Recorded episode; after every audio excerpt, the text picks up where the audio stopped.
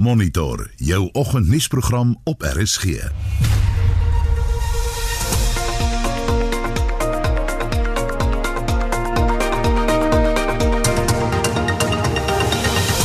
Dis 9 minute oor 6. Welkom by Monitor. Ons saai die hele week uit hier van die Toyota Woordfees op Stellenbosch. En ons geel karavaan en verhoog is hier langs die Kruiskerk voor die Kaya in Reineveldstraat. Kom maak gerus 'n draai. Vlugte en verblyf is betaal deur die Universiteit van Stellenbosch sonder dat ons redaksionele beleid beïnvloed word. Nou in vanoggend se program ons praat met 'n ekonoom oor wat die verslegtende wêreldwye koronavirus situasie vir Suid-Afrika inhou. Hoe voel die jeug oor hulle toekoms in Suid-Afrika? Ons praat met 'n paar tieners van Stellenbosch. 'n Professionele netballiga word in die Kaap begin. En Lisa kom praat oor haar klavier. Goeiemôre, ek is Anita Visser. En ek is Gustaf Greiling. Welkom by Monitor.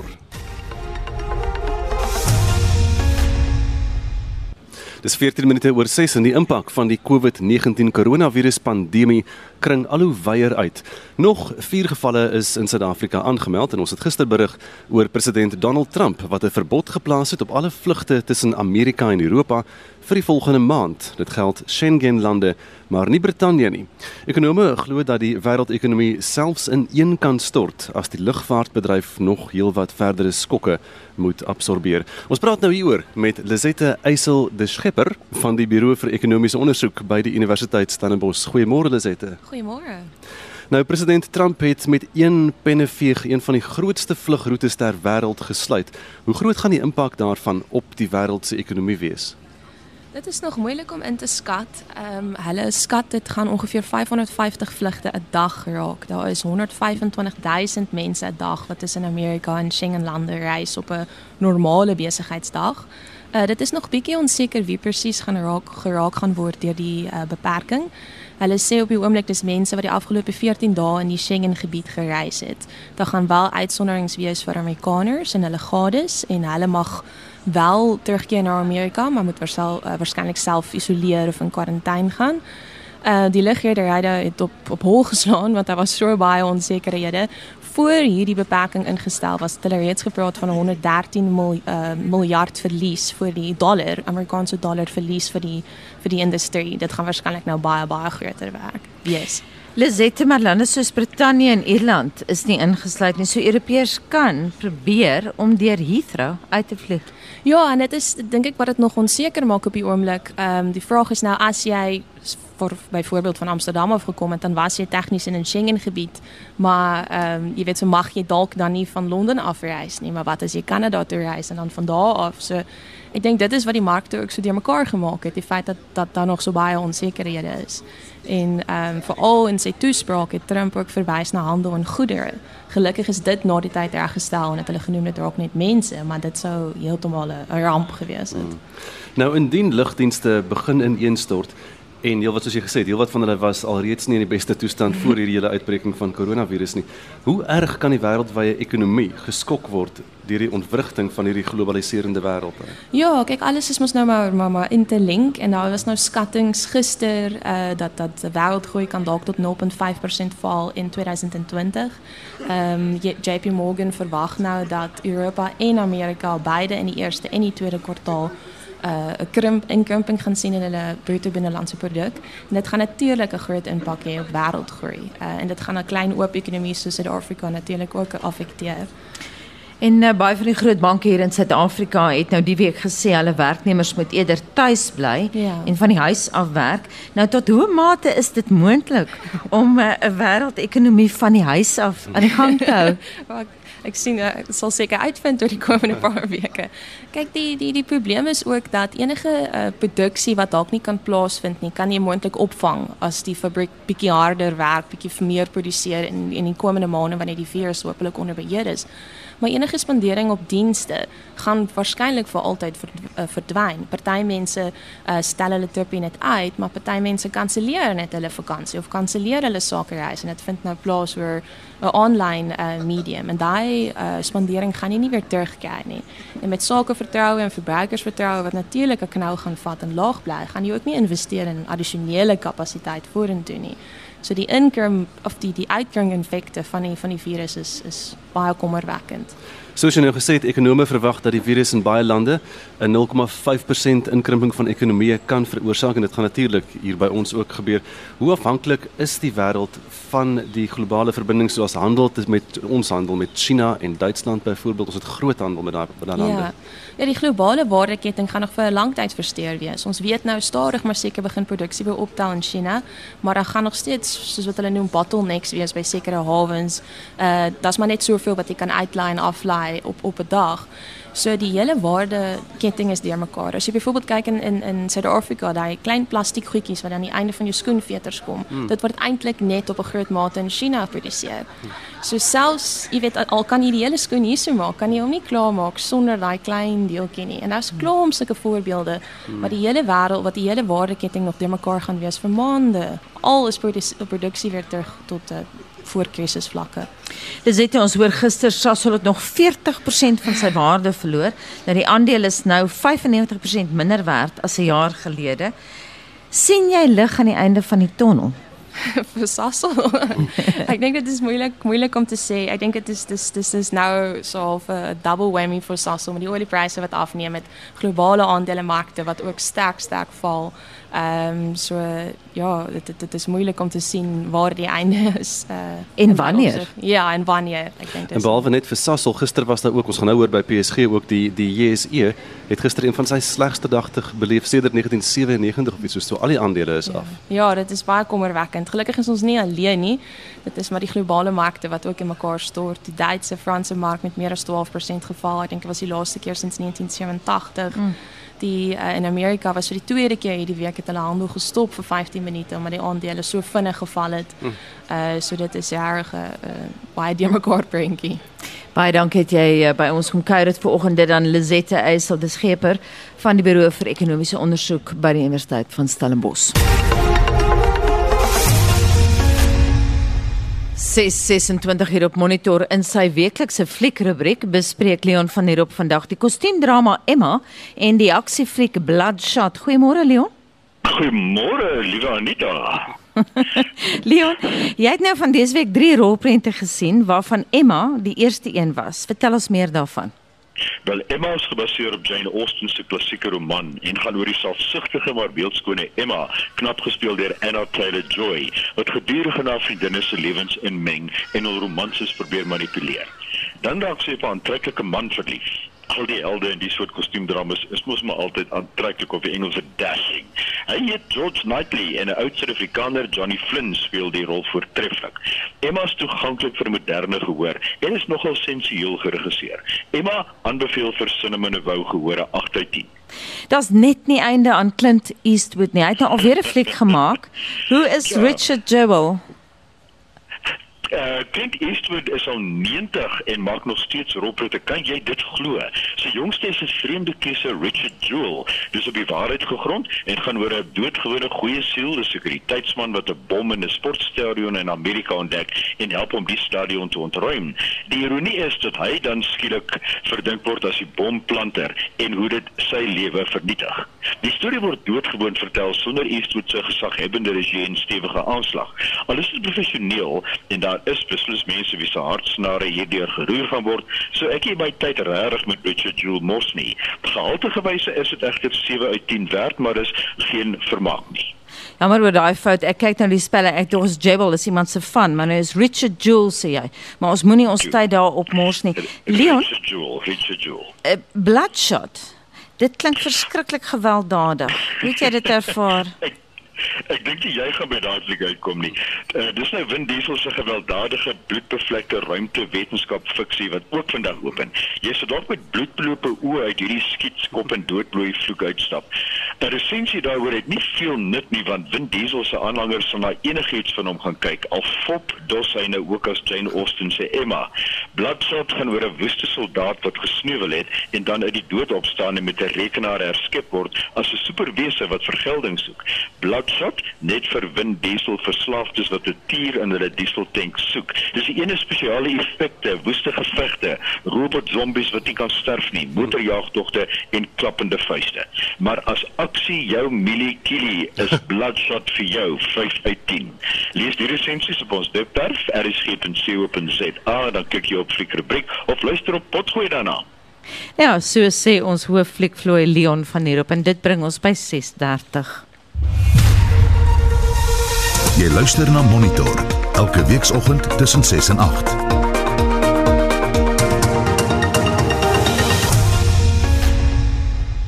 Die eerste professionele netballiga in Suid-Afrika, Stellensport wat onlangs gestig is, het groot planne in aanloop tot 2023 se netbal wêreldbeker toernooi wat in die moederstad gehou word. Nou ons praat vanoggend hieroor met Stellensport se uitvoerende hoof, Frida Kemp. Goeiemôre. Goeiemôre. En dan ook die woordvoerder daarvan, Charlotte Skols. Goeiemôre Charlotte. Goeiemôre. Dankie dat julle met ons kom gesels hier vanoggend op Monitor. Hoewel julle amptelike bekendstelling eers aanstaande maand is, het julle reeds 'n paar projekte van stapel gestuur. Vertel ons meer van die projekte. Een van die groot ehm um, trek of trekpleisters wat ons het is Norma Plammer, ehm um, wat uitkom ehm um, na Stellenbosch toe die 24ste waar sy vir ons 'n kliniek kom aanbied vir skole en vir um, ons uh, topspanne. En dan sal sy ook betrokke wees by die die ehm um, die media vrystelling as ook 'n uh, ontbyt wat ons gaan hou in Stellenbosch die 2 April waar ons ook 'n passie het vir om 'n platform te skep vir besigheidsvrouens om ehm um, spelers aan te neem op wat op verskillende levels van ehm um, expertise, finansiëel, emosioneel en ehm um, ook om hulle leiding te gee in terme van hulle finansies. Jy weet hulle kennis te deel met met van die spelers. Charlotte, buite die uitbou van spelers en afrigters, het julle ook projekte in die pipeline om beamptes en skeieregters se vaardighede op te skerp met die oog op die 2023 netbal wêreldbeker toernooi. Dit is korrek ja, um, vir die vir die wêreldbeker het dit om ten minste so 50 tot 60 tegniese personeel nodig, mense wat die tyd in die telling hou. Jy weet en dit is nogal so komplekse komforms wat hulle moet invul en en 'n mens kry nooit nie baie geleenthede om dit om te oefen nie. So um hierdie professionele liga wat ons nou gaan begin, jy weet gaan daai daai um beamptes ook 'n platform gee, jy weet om om meer op te skerp sodat kom 2023 het ons oor genoeg mense wat kan inspring en jy weet en dit so professioneel as moontlik te kan doen. Nou julle fokus strek ook verder as netbal soos julle gesê het en die opheffing van vroue is vir sterrensport geweldig belangrik Frida. Ja, ek dink ehm um, ehm um, ek het nou al 'n bietjie gewerk het saam met van die Protea spelers ehm um, en ehm um, hulle hart gehoor het nommer 1 ehm um, is 'n groot passie om vir hulle 'n uh, 'n platform te skep waar hulle betaal kan word om te speel en dan om ehm um, die piramide van die grond van die grassroots to greatness af op te bou dat jy dieselfde beginsels van graad 1 af al begin toepas reg deur tot tot in graad 12. So ons het 'n kurrikulum geskryf. Ek en um, Sandra Du Plessis ook 'n 'n level 4 afrigter. Uh wat lesplanne vir elke graad uitrol en dan elke een volg op mekaar. So as ons almal kan inkoop in dit dan gaan ons um uh platform skep vir goeie goeie netbalspelers want ons het die talent. Ja, en net om aan te sluit by dit, jy weet met die opheffing van van vroue, jy weet wil ons ook geleenthede skep, eh, werksgeleenthede skep. So um, jy weet ons um, met ons ons het 'n uh, uh, verhouding geskep met 'n uh, met 'n nie uh, regeringsorganisasie rondom naskoolse projekte waar ons van die mense wat in die gemeenskap is wat wat nie tans werk nie. Jy weet dat ons programme uitrol vir skool vir skoolgaande kinders vir naskool Um, en dan gaan ons dan wil ons daai mense betrek, jy weet en dan jy weet uh, genoeg geld bymekaar kry sodat ons eventually hulle kan betaal om om hierdie tipe projekte te doen. Jy weet um, um ons kinders word moet deur 'n gemeenskap jy weet my kind is jou kind tipe tipe um gevoel wat ons daar wil skep. Jy weet maar ook dan die vroue en en die en die en die jeug tot sekere mate. Jy weet 'n uh, platform te kan gee om te groei. Um jy weet beide finansiëel sowel as in in in 'n tipe van 'n afrigtingskomponent of 'n ander ander tipe rol vir vir die kinders mentoring 'n rol vir die kinders se kan wees ja. Gaan julle hierdie idee uitbrei na die res van Suid-Afrika? Ehm um, vir hierdie jaar is dit so ehm um, rol ons dit net uit in Oktober en November want dis ehm um, dit vat dit is kos ongelooflik baie geld en Hoeveel kos dit? Wel, ons kyk na 7-8 miljoen rand om hierdie projek te launch en uh, as ons dit uitrol, dis nou maar net 2 maande. As ons kyk na 6-7 maande, dan kyk jy na obviously dit mal mal 6 en 7. So die struktuur op die oomblik is ehm um, ons het uh, die hele Weskaap ehm um, het ons betrek. Ons is ehm um, uh soos ons het drie spanne in in Cape Town, drie spanne in Cape Winelands en dan het ons een span in Oeverberg, een in Karoo, een in uh, Weskus en een in Eden. So dis vir ons belangrik dat ons daai areas ook ontwikkel want daar's ongelooflike baie rou talent op die platteland. En ehm um, ja, dat ons vir hulle groter platform gee en dan wil ek ook by sê net die Telkom Liga van Netball Suid-Afrika wat nou afskop. Um, ons wil graag 'n ondersteunende struktuur vir dit wees sodat ons afrigters 'n groter geleentheid het om die beste spelers te kies vir daai kompetisie. So ons wil half die daai kompetisie voed. En om uh, jou vraag of uitrol na buitentoe, ons sal definitief kyk daarna om die toernooi groter te maak. Of dit beteken ons gaan dupliseer dit in ander provinsies, kan 'n moontlikheid wees of ehm um, jy weet dit kan die home van netbal raak Kaapstad wat ek dink is in elk geval die pad tot 2023. Charlotte kry kry hulle baie ondersteuning vir vir julle projek of wil jy graag nog meer ondersteuning hê? Ons kan altyd nog meer ondersteuning kry. Ehm um, jy weet ons het 'n ons het 'n goeie netwerk op die oomblik wat ons aanbou. Ehm um, ons het baie mense wat inkoop in die gedagte. Jy weet ons is word geondersteun deur die Weskaap Netbal Federasie. So ehm um, van daai perspektief gaan dit goed. Finansieel kan ons natuurlik altyd nog ondersteuning kry. Ehm um, jy weet as daar mense is wat belangstel um, om, om ons ontbyt by te woon, kan hulle ons kontak. Jy weet dit is R350, dit is in die Stellenbosch stadsaal.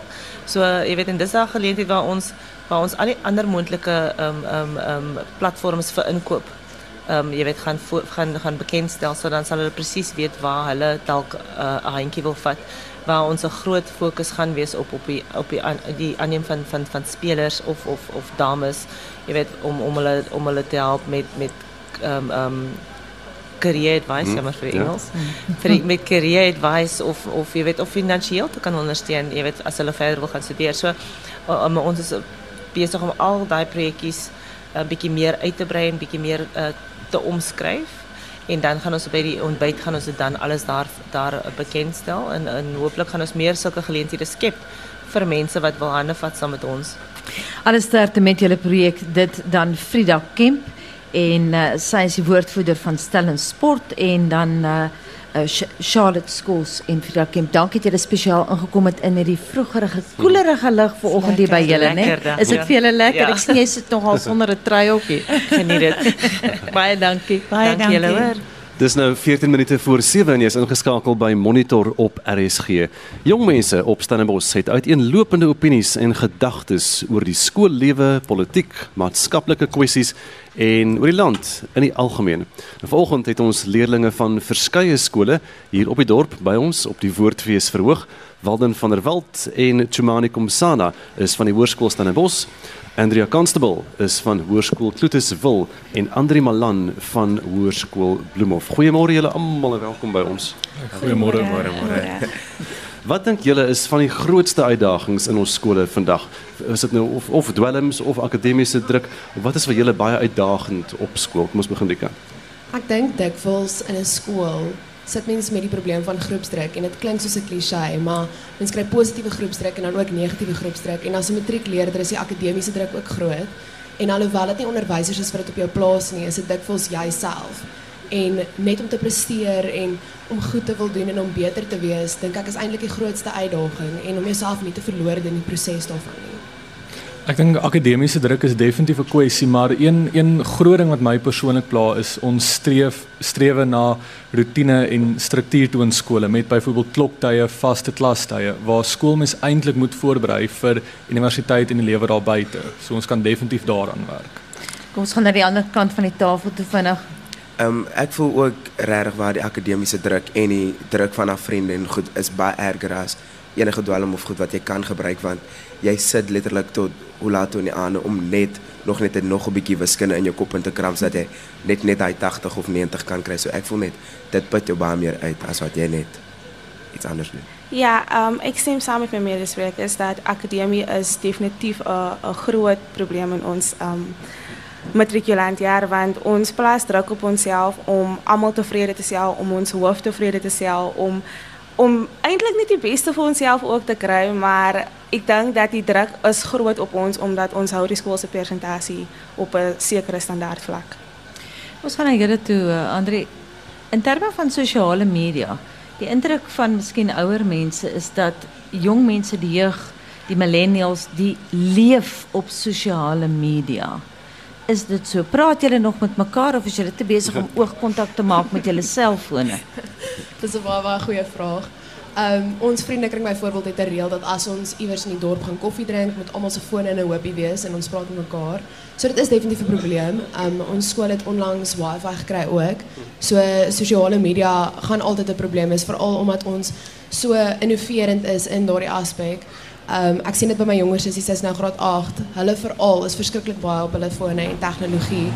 Um, maar ek dink dit is noodwendig altyd 'n negatiewe ding nie ons kan sosiale media tot ons voordeel gebruik. Dit word 'n probleem wanneer mens kontak verloor met die hede en wat werklik om jou aangaan.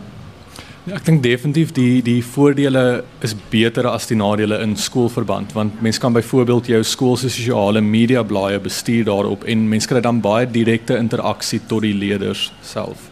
Mhm. Ja. Um, ek voel sosiale media is ook 'n baie goeie ding veral in hoërskool want soms dan kry jy nie daai bietjie inligting wat jy nog gesoek het in klasie en ons skool het hierdie ding wat ons noem Google Classroom en dis waar jy al jou huiswerk of soos take wat jy nou van vergeet het of iets wat jy nog in jou huiswerkboek gekry het kan opsoek so dit kan tot voordeel wees. Ek wil vir jou vra leef jy op jou foon?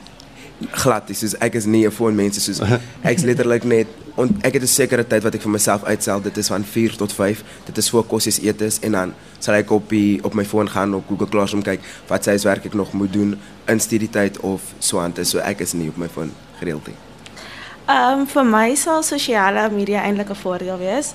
Ehm um, omdat ons het groepe soos op WhatsApp byvoorbeeld waar ons um, sê maar ons hak vas in sekere afdelings van skoolwerk en dan help ons mekaar uit soos wiskundegroepe of natskei groepe waar ons net ehm um, miskien almal se se se mening kry iets um, waar ons kan deel of mekaar se logiese insiening sien daaroor. So ja.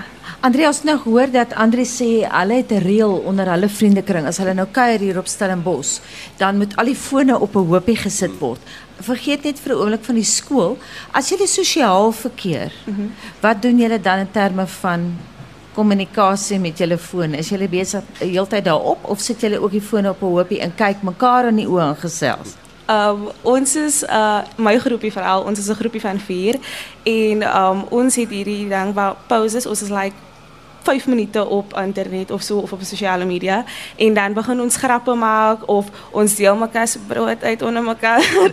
En dan lag ons of ons geniet die um, die pause en dit is dit is vir ons waar ons wil gaan.